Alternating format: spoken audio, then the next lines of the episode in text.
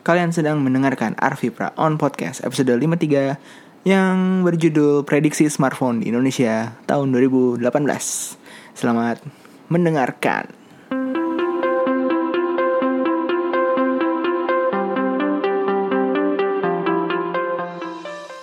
Oke, minggu depan udah 2018 sudah punya resolusi untuk tahun depan.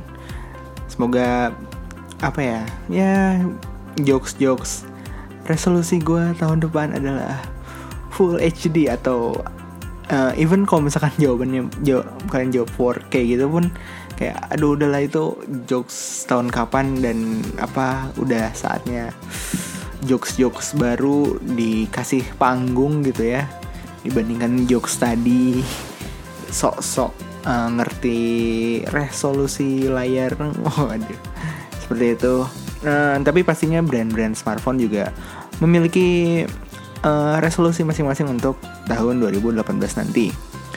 Nah sebelum gue mulai ke apa ya pembahasan prediksi smartphone di Indonesia tahun 2018 hmm, gue mau ngucapin terima kasih yang udah mengisi kuesioner uh, jadi ya gue udah baca-baca semua tuh uh, dan rata-rata uh, apa ya um, yang kalian isi tuh tidak sesuai dengan apa yang gue harapkan. Kenapa? Karena semua hampir semuanya kayak kayak uh, udah bagus Vi. Keren. Lanjutkan. Nah nah nah nah nah nah, nah. oke Vi. Nice. Apa ya gue gue sendiri yang yang terlibat dalam bikin terus uh, editing dan publishing sendiri pun uh, ngerti kalau misalkan sebenarnya di podcast ini memiliki ada banyak minusnya di sektor A, B, C, D, F dan sebagainya seperti itu. Cuman ya mungkin kalian terlalu baik ya atau ter, nggak terlalu jahat untuk uh, mencaci dan memaki, yoi. Tapi ada sih beberapa yang uh, memang apa ya uh, suatu concern yang mungkin akan gue tambahkan di podcast ini. Pokoknya uh, tungguin aja. Terus apa ya ada beberapa ide-ide yang menarik juga yang kalian kasih. Terima kasih banget. Dan uh, gue mengucapkan selamat kepada pemenang-pemenang Arvi Brown Podcast Giveaway yang kedua itu pemenang-pemenangnya itu ada ntar siapa ada Big Cable terus ada ini siapa nih uh, Chris Ultimate 96 terus ada Techno Wizard 17 dan Bondan.kanigoro uh, semoga apa ya yang hadiah-hadiahnya itu bisa kalian manfaatkan dengan baik ya.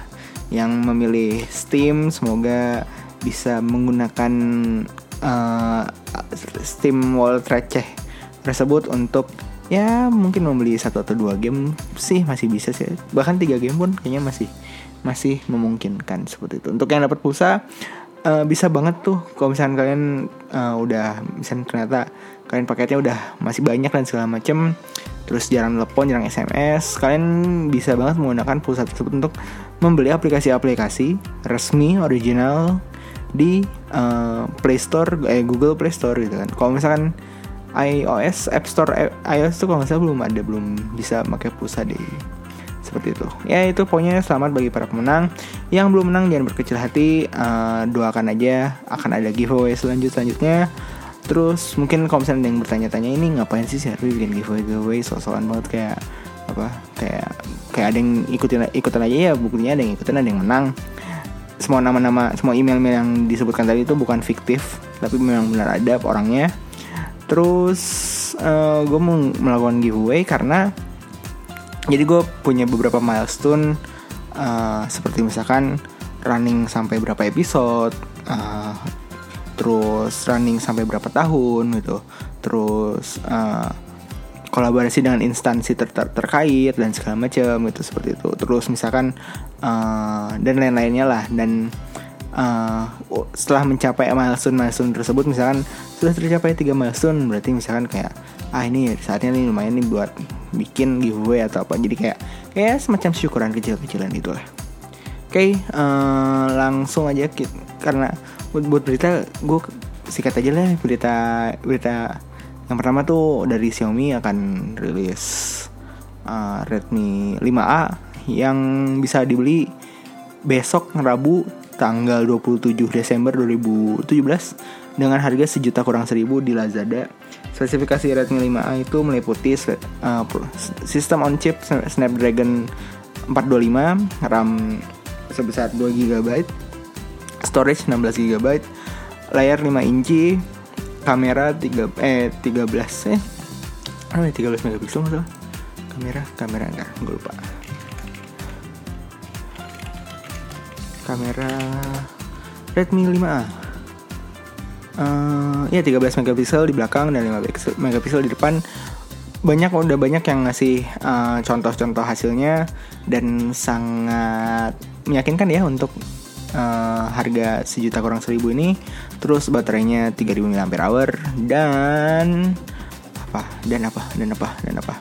Dan apa? Dan ini dia memiliki dedicated memory card jadi kalian bisa menggunakan dua SIM card dan memory card tidak terbatas harus single SIM untuk menggunakan memory card seperti itu SD card gitulah. Terus yang kedua itu apa ya? Hmm, saya ini udah pernah gue kasih tau jadi tapi ya ya gue tambahin deh. Jadi uh, ada iPhone yang akan uh, yang bukan akan sih sebenarnya udah udah udah bisa dibeli di Lazada official Apple Store-nya di ya pokoknya di Lazada. Ada iPhone 8, iPhone 8 Plus dan iPhone 10. Harganya dimulai dari sekitar 4 13 atau 14 juta sampai yang tertinggi itu iPhone 10 dengan kapasitas 256 GB dengan harga 20 juta 20, 20 juta 700 ribu kalau salah. Pokoknya sekitar situ itulah.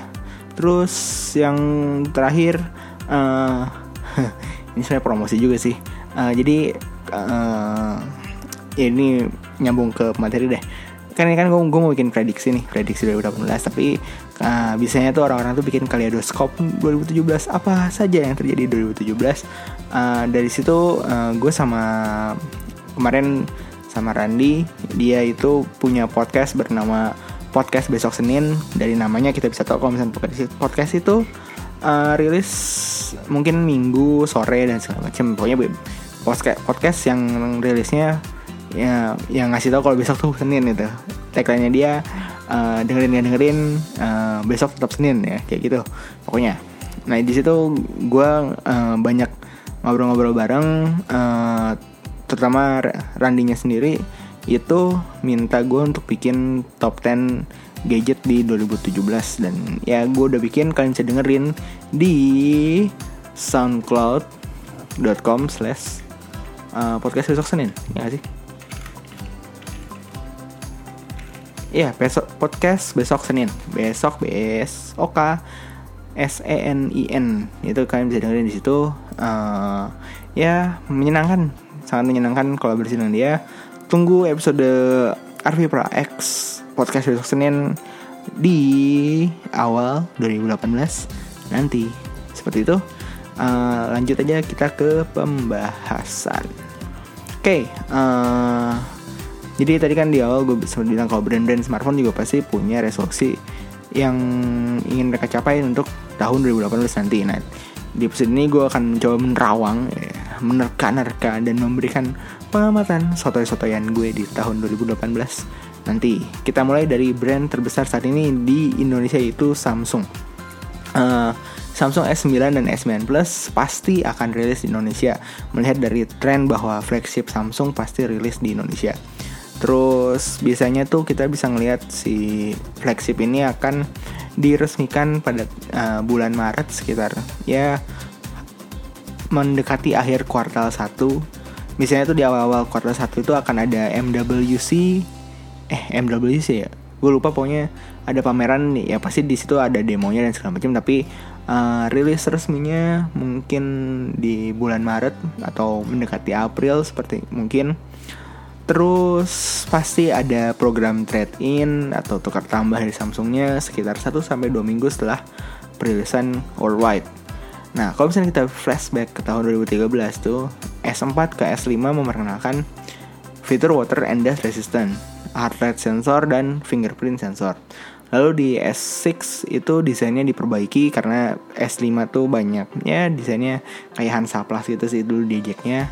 Terus memperkenalkan juga tipe dengan curve display.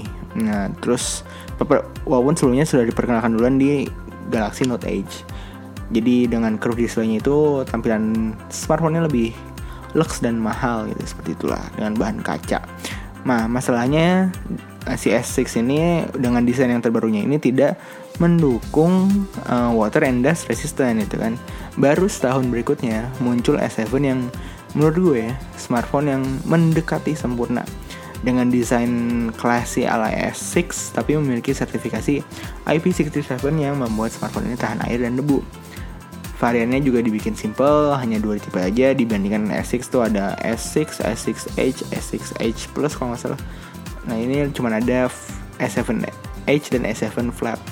S7 doang gitu, gitu. Nah di tahun 2017 ini mereka membuat S8 dengan Infinity Display-nya. Sayangnya desain ini mengakibatkan fingerprint sensor yang diletakkan di belakang itu posisinya cukup awkward. Uh, mungkin di 2018 nanti S9 akan tetap menggunakan Infinity Display andalannya dengan posisi fingerprint sensor yang lebih nyaman. Terus menurut gue tuh harusnya si S9 ini dibekali dual kamera seperti di Note 8 untuk um, apa ya? Yang uh, kayak tadi kan di S6 kan ngenalin uh, varian yang Edge itu berada di Note Edge-nya. Jadi kayak ada fitur-fitur yang di Galaxy Note sebelumnya yang diterapkan di the next Galaxy S series gitu kan seperti itu ya juga buat nambah portofolio uh, smartphone Samsung yang bisa foto bokeh-bokehan itu kan nah dari leak yang udah keluar itu katanya S9 itu tetap menggunakan single kamera dan S9 Plus menggunakan dual kamera uh, ini berarti uh, value yang didapat di seri Plus ini uh, lebih tinggi dibandingkan uh, sebelum-sebelumnya yang cuman perbedaan besar layar dan besar baterai aja. Nah, tapi ini kan masih leak jadi belum tahu juga ya kira-kira bagaimana seperti itu. Terus untuk Note 9 mungkin kemungkinan besar kita akan melihat uh, uh, apa ya si Samsung ini akan melihat feedback dari S9 gitu kan. S9 kurang-kurangnya di mana akan dibenerin di Note 9 seperti di kasus S8 ke Note 8 ini. Kemungkinan besar uh, pasti ada peningkatan di S Pen dan softwarenya bang. Mungkin ada fitur-fitur terbaru lah uh, seperti kalau misalnya di S8 eh Note 8 kan yang paling baru itu kan si live message-nya itu nah seperti itu selain dari segi, segi apa flagship yang sudah ramai saat ini tuh kemunculan Galaxy A8 dan A8 Plus. Sudah ada gambar resmi dari ponsel ini, desainnya sedikit mengotak seperti Note 8. Satu kamera belakang dan dua kamera depan untuk selfie bokeh. Yang menarik adalah untuk seri A8 Plus ini ada varian dengan RAM 6GB. Kayaknya sih asik nih kalau misalnya diadu sama seri Oppo F5 yang 6GB juga. Untuk harga hmm, A7 itu dipasang di uh, eh, 5,999 ya jadi 6 jutaan gitu kan tapi ada kemungkinan menurut gue eh gue tanya-tanya sih bukan bukan gue gue nanya-nanya katanya sih kemungkinan besar untuk A8 itu ada di harga 6,7an dan A8 Plus itu di sekitar 7,8 atau 8 jutaan itu. Yang berarti rada bingung juga soalnya di uh, range harga 8 jutaan itu masih dipegang sama Galaxy Note FE yang baru diluncurin November kemarin. Cuman nggak tahu apakah apakah uh, kayak misalkan dengan budget 8 juta terserah lu mau milih mau Infinity Display atau mau Pen seperti itu. Mungkin seperti itu. Uh, jadi seakan-akan nggak mematikan satu sama lain tapi yang kita nggak tahu juga sih. Gitu. Uh, dan menurut gue mungkin uh, akan ada seri A6 kayaknya. Uh, jadi si Samsung ini akan meninggalkan uh, penamaan A3, A5, A7 diganti dengan A8 dan A6 dan uh, mungkin si A6 ini akan ada di range harga 4 jutaan. Harusnya ya seperti itu. Baru di bawah itu ada seri J di kategori mid end ke bawah. Dan penamaannya menurut gue akan tetap J7, J5, J3 dengan embel-embel 2018 dan mungkin fitur yang akan dibawa pas mungkin dua kamera tapi gue nggak tahu apakah itu ntar dua kameranya kamera depan atau dua kameranya kamera belakang atau bahkan dua-duanya gitu di tahun 2017 ini Samsung ngerilis dua smartphone dengan dua kamera yaitu Note 8 dan J7 Plus. Ya gue berharapnya sih si seri J ini dibikin lebih simple aja gitu kan, nggak perlu ada J7 Core, J7 Plus, J7 Pro gitu kan, yang bukannya um, memberikan alternatif malah jadi pusing karena sedikit nyenggol-nyenggol uh, seri lain seperti itu. Oke, okay, uh, setelah Samsung ada Oppo dan Vivo ini gue masukin ke kategori fan, ponsel selfie aja lah ya. Jadi yang pasti mereka akan tetap bikin ponsel dengan fitur unggulan di kamera depan. Oppo sedikit lebih unggul karena punya AI beauty yang katanya bikin selfie lebih natural. Uh, mungkin menurut gue Oppo akan merilis suksesor dari F5 dengan fitur AI Beauty 2.0 sepertinya ya. Jadi perbaikan dari AI Beauty yang ada di F5 sekarang. Untuk Vivo nah ini yang menarik banyak media kan rumor-rumor katanya Vivo akan merilis smartphone dengan fingerprint sensor yang tertanam di layar. Seperti itu. Tadinya awalnya ya ini gue pernah cerita juga di podcastnya Randy podcast besok Senin juga. Katanya akan ada di V7 Plus tapi ternyata nggak ada juga. Nggak nggak nggak muncul gitu seperti itu. Cuman ya harap gue tetap berharap Vivo akan merilis fitur ini.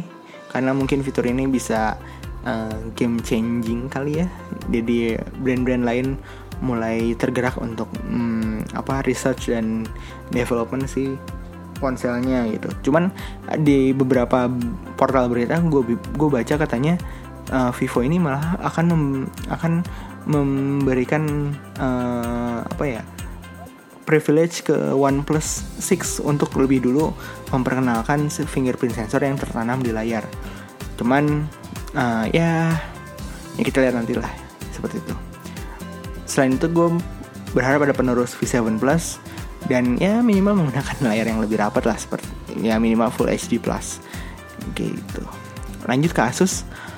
Asus sepertinya tahun ini akan main aman lagi melihat Zenfone Max Pro yang cukup diminati dan varian selfie yang masih seger-seger gitu ya. Seri Max kemungkinan mm, menurut gue pasti akan ada ya dengan fitur yang diunggulkannya itu yaitu fitur ketahanan baterai badak gitu ya di uh, terus juga ntar ada juga seri selfie. Nah gue nggak tahu kira-kira ntar kan komsen di tahun 2017 kan Asus si flagshipnya itu dipegang sama uh, Asus Zenfone uh, Zoom S yang kameranya dual kamera dual kamera gitu. Mungkin ntar ada lanjutan Zoom S tapi dengan layar kekinian 18 banding 9 uh, tapi ya ya gue juga nggak tahu sih kayak gue sih mungkin berharapnya ada seperti itu. Lalu masuk ke LG nah LG gue awalnya ragu kalau misalnya LG bakalan bertahan di Indonesia. Ternyata um, apa ya dia bertahan dan merilis LG V30 Plus oleh karena itu uh, eh, gue berharap LG juga akan tetap merilis smartphone-smartphone terbarunya di 2018 nanti. Seperti misalkan yang paling yang sel, ya, flagshipnya lah. Merilis LG G7 gitu kan. Gue berharap LG 7 ini akan ngambil banyak fitur dari LG V30 uh, seperti yang kita tahu kan beberapa fitur-fitur dari seri V itu uh, diterapin di uh, seri G yang uh, berikutnya itu yang ke depannya yang tahun depannya gitu seperti itu. Seperti kayak misalkan quad deck di LG V20 akhirnya ditanamkan juga di LG G6 nah harapan gue sih G6 ini nggak diresmikan duluan daripada S9 kenapa? Karena kalau dirilis duluan ya kemungkinan besar akan menggunakan prosesor Snapdragon 835 karena Samsung punya hak eksklusif dalam merilis ponsel dengan prosesor Snapdragon 4845 gitu jadi karena karena Qualcomm itu ya katakanlah kerjasama gitu ya sama kerjasama bareng Samsung Jadi Samsung diberikan mandat untuk memanufaktur Snapdragon 845 dengan syarat Samsung adalah uh, ponsel pertama yang menggunakan 845 seperti itu. Selain itu juga gue berharap akan ada penerus LG Q6 dengan fitur-fitur yang lebih lengkap ya Seperti minimal fingerprint sensor lah Dan prosesor yang lebih baru. Gue pengennya 450 Snapdragon 450 Dan desainnya yang berbahan metal itu. Gue sempat megang Q6 dan menurut gue tuh secara bentuknya itu adalah smartphone idaman gitu ya. Enak lah. Feelnya tuh sama kayak pas waktu gue megang uh, Nexus 5 atau iPhone 5 gitu. Nggak terlalu bulky Tapi uh, untuk reach ujung ke ujungnya masih enak gitu kan. Terus sudah 18.9 informasi yang ditampilkan sekarang lebih banyak gitu kan. Jadi tolonglah LG uh, Q6 entar atau apa pun namanya dibikin lebih baik lagi. Varian lainnya mungkin penerus seri K Power ya semoga aja dikasih panel P OLED dari fitur fitur dia dan dikombinasikan dengan SoC uh, 625 atau 450 ya 625 umurnya udah lama jadi ya harusnya bisa manufakturnya bisa lebih murah lah. Ngomong santai banget sih Luffy. Oke okay, uh, eh, lanjut ke Lenovo. Dari artikel yang gue baca di Jagat Review uh, gadget.jagatreview.com slash 2017 slash 12 slash Motorola dash sukses dash tingkatkan dash brand dash awareness dash di, di dash tahun dash 2017 nanti linknya gue taruh di deskripsi Lenovo Indonesia akan fokus ke seri Moto, seenggaknya di semester awal 2018. Akun Twitter Crispy Tech juga memberikan info bahwa Moto G6, G6 Plus, dan G6 Play akan rilis di akhir Q kuartal 1 atau awal kuartal 2. Rumor-rumornya untuk G6 Plus ini akan dibekali Snapdragon 636 um, upgrade dari Snapdragon 630 Buat kalian yang mendewakan spek ini bisa jadi alternatif dan sepertinya Lenovo bahagia banget sih sama penjualan G5S Plus di Indonesia. Selain itu juga yang pasti akan ada Moto Z, Z3 uh, mungkin yang di Indonesia kan seri play lagi. Tapi dari artikel di atas Lenovo akan lebih fokus di smartphone Moto range 1,5 sampai 4 jutaan. Dugaan gue keluarga G6 itu akan ada di range aduh. Ah, kapan kapan? Sejak kapan ada podcaster lagi? Siaran ngantuk. Pokoknya akan ada di range 2,8 juta sampai 4 juta. Untuk harga 2,8 juta ke bawah sepertinya akan diisi sama varian Moto E kayak biasa. Nah terus untuk ponsel lokal. Seperti Advan dan Gen Pro yang sepertinya akan berjuang di sektor 800 ribu sampai 1,5 juta mungkin cukup sulit membuat image mereka naik terutama ap, bukan terutama sih apalagi Xiaomi yang merilis Redmi 5A yang harganya kurang ajar itu. Jadi ya mungkin brand-brand ini bisa mencontoh Wiko yang menawarkan teknologi kekinian dengan harga-harga yang bersaing seperti itu. Soalnya kalau misalnya cuman adu-aduan harga kayaknya sih nggak akan bisa uh, nandingin si brand itu. Brand apa coba? Yuk setelah ini brand apa lagi yang perlu dibahas? Oke okay, Xiaomi. Jadi Redmi 5 dan Redmi 5 Plus menurut gue pasti rilis resmi di Indonesia. Uh, Kalau misalnya kita lihat tahun kemarin di mana Redmi Note 4 dan Redmi 4X itu dirilis di sekitaran bulan April Ya mungkin kita juga bisa berharap ponsel ini rilis di bulan tersebut. Yang pasti untuk harga saat ini ponsel terbaru Xiaomi itu Redmi 5A dan Redmi Note 5A. Redmi 5A di harga 1 juta kurang 1000 dan Redmi Note 5A di harga 1,6 juta. Kemungkinan besar Redmi 5 akan ada di harga 2,2 juta dan Redmi 5 Plus di 2,8 juta. Cukup tinggi sih mengingat saat ini Redmi 5 dihargai sekitar 120 US dollar tapi ya ya masa berani sih matiin Redmi, Redmi 5 Note 5A gitu Kayak dikasih harga cuma 1,8 sih kasihan Redmi Note 5A sih 2,2 tuh udah ya, ya 2,2 juga terlalu cukup mahal sih tapi nggak tahu sih Uh, kalau misalkan ternyata prediksi harga gue sesuai sama yang terjadi, kemungkinan besar Mi Fans akan terbelah menjadi dua, yaitu tim resmi dan tim distributor. Apalagi sampai saat ini Xiaomi belum juga merilis seri flagshipnya di Indonesia.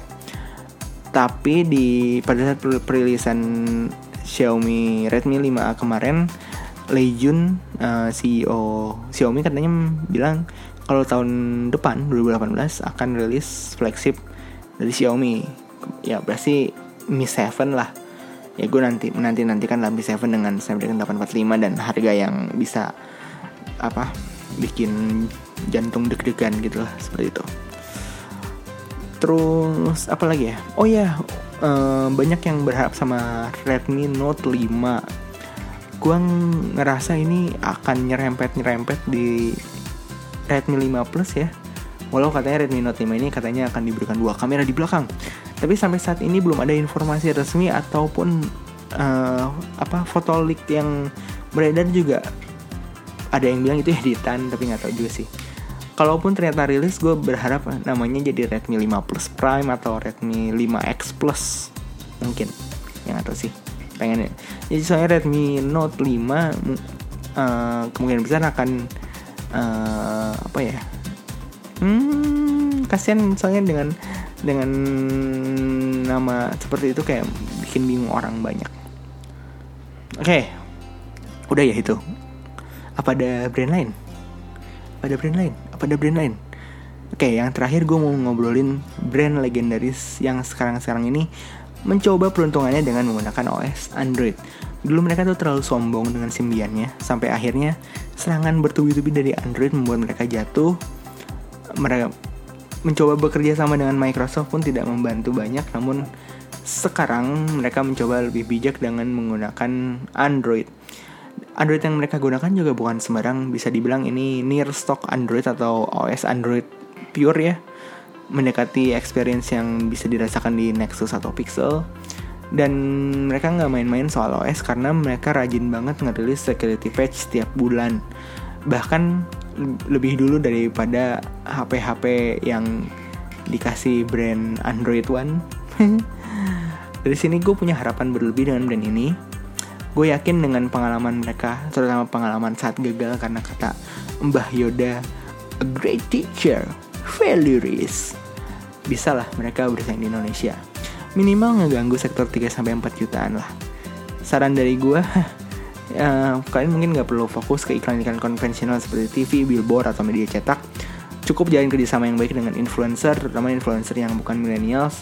Pasti mereka punya kesan atau memori terhadap brand ini dan dengan produk baru bersama OS Android akan memberikan nilai plus gitu. Uh, lini produk mereka cukup variatif dan penamaan yang sangat simple. Uh, yang saat ini sudah bisa kalian icip tuh ada Nokia 356. Kebetulan sekarang gue lagi megang Nokia 6. Kalau misalnya kalian perlu reviewnya mungkin kalian bisa uh, memberikan suara di email atau di medsos atau apalah seperti itu. Uh, yang seperti kita lihat juga semakin tinggi nomor serinya semakin canggih fitur dan spek yang diberikan itu kan. Dan untuk 2018 nanti rumornya akan ada Nokia 6 2018 yang menjadi ponsel 18 banding 9 pertama yang dirilis oleh Nokia. Jika speknya oke kemungkinan besar gue akan beralih ke sini. Katanya sih pakai 636 sih tapi gue juga gak tahu. Seenggaknya di dalam hati gue tuh gue udah kepikiran smartphone gue selanjutnya adalah Nokia. Oke, okay, uh, eh, itu prediksi saudara-saudara gue untuk smartphone yang akan rilis di tahun 2018. Menurut kalian gimana? Hmm, eh, gue lupa menyebut Apple ya. Apple ya iPhone menurut gue uh, di 2018 nanti akan menggunakan desain language dari iPhone 10. Menurut gue ya. Um, ya minimal di seri plusnya lah. Jadi kayak di tahun depan mungkin akan cuma ada, ada seri dua dua seri iPhone uh, yaitu iPhone uh, apa ya 9 sama 9X mungkin. Cuman yang ya yang 9 tetap kayak biasa yang X itu layar kekinian. Layar layar iPhone 10 nya zaman sekarang seperti itu lah dan mungkin rilisnya pasti akan sama kayak di akhir tahun seperti iPhone 8, 8 Plus dan 10 yang baru diresmikan di Desember kemarin di Indonesia. Kesimpulannya adalah harusnya vendor atau brand mulai merilis smartphone dengan rasio 18 banding 9 karena uh, Google Pixel 2 XL menggunakan res, apa rasio tersebut yang berarti masa depan Android adalah di layar itu. Mungkin menurut gue ya. Uh, untuk fitur kemungkinan besar akan fokus di ranah selfie lagi. Kecuali kalau de banyak developer yang mulai mengembangkan aplikasi dengan teknologi augmented reality mungkin akan cukup ramai tapi gue takut nasibnya akan sama seperti VR. Oke, okay, uh, itu aja untuk episode minggu ini sudah 30 menit juga. Uh, jangan lupa apa ya? Subscribe di uh, SoundCloud, follow atau di iTunes, Apple Podcast juga silahkan biar nggak ketinggalan sama episode-episodenya. Terus ikutin juga sosial media sosial media Arfi Brown Podcast di Twitter, Instagram, Facebook page dan lain official account kalian bisa cek di website arvipra.my.id. Uh, podcast ini terbit setiap hari, setiap Selasa pagi membahas mengenai gadget dan teknologi. Uh, terus apa lagi ya? Yang gue kekurangan apa ya? Hmm, yaudah deh, segitu aja. Semoga minggu kalian menyenangkan dan selamat berakhir tahun. Dadah.